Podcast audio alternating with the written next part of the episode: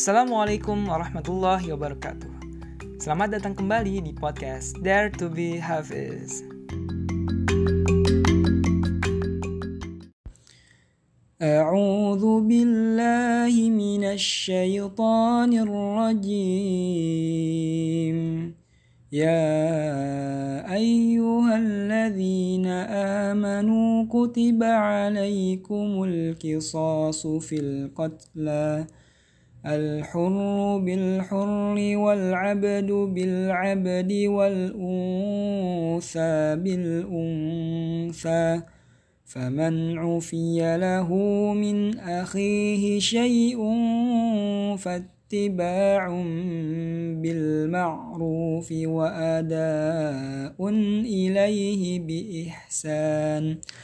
ذلك تخفيف من ربكم ورحمة فمن اعتدى بعد ذلك فله عذاب أليم Wahai orang-orang yang beriman, diwajibkan atas kamu melaksanakan kisos berkenaan dengan orang yang dibunuh, orang merdeka dengan orang merdeka, hamba sahaya dengan hamba sahaya, perempuan dengan perempuan, tetapi barang siapa memperoleh maaf dari saudaranya, hendaklah dia mengikutinya dengan baik dan membayar diat tebusan kepadanya dengan baik pula.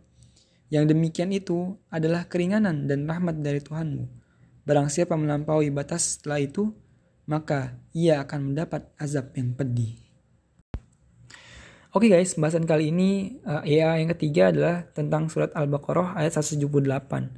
Yang mungkin ini uh, syariat yang benar-benar bikin orang ngeri gitu. Ya syariat kisas gitu ya. kisas itu apa sih? Kisas itu ialah hukuman yang semisal dengan kejahatan yang dilakukan atas diri manusia. Dan dalam hal ini gitu di ayatnya itu adalah tentang kisos orang yang membunuh gitu ya. Jadi orang yang membunuh itu akan dibunuh juga gitu kalau di dalam Islam.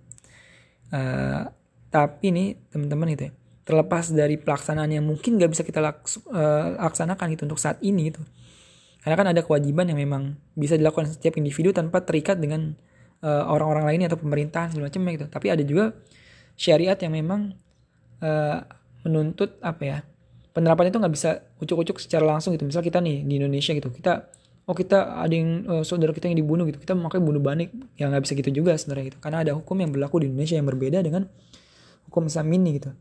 Nah terus uh, sikap kita apa gitu? Sikap kita yang paling penting adalah pertama mengimani bahwasanya ayat ini adalah ayat yang benar, syariat uh, yang satu ini adalah syariat yang memang benar dari Allah, uh, hukum Allah gitu. Tapi untuk penerapannya memang suatu hal yang perlu proses mungkin ke depannya. Mungkin akan ada tuh amandemen tentang hukum-hukum yang akhirnya uh, membenarkan atau bisa menjalankan hukum kisos ini kan. Kita nggak tahu ke depannya seperti apa. Tapi di sini juga teman-teman selain uh, tentang kisos itu gitu, itu ada juga tentang uh, membayar diat gitu. Kalau misalnya akhirnya orang yang uh, saudaranya yang terbunuh itu itu bersedia untuk akhirnya ya udah nggak apa-apa dimaafkan dan boleh itu akhirnya membayar diet atau tebusan gitu ya. Kalau nggak salah ini juga ada di ayat surat uh, An-Nisa gitu ya. Eh surah surah sorry, sorry surat Al-Maidah itu yang tentang uh, bahwasannya kalau misalnya membunuh satu orang itu uh, eh bukan benar surat An-Nisa ya. Sorry ini lupa banget ya. Surat An-Nisa yang di juz kelima itu ada tuh tentang syarat ini gitu. Jadi kalau misalnya ada yang dibunuh gitu secara tidak sengaja gimana sih caranya gitu kalau orang yang muslim gimana? Kalau orang yang non muslim seperti apa gitu? Itu ada tentang bayar diat salah satunya kayak gitu. Nah jadi uh, kalau misalnya dilihat lagi ya kisus itu ternyata dibilang bahwasannya kisus itu uh,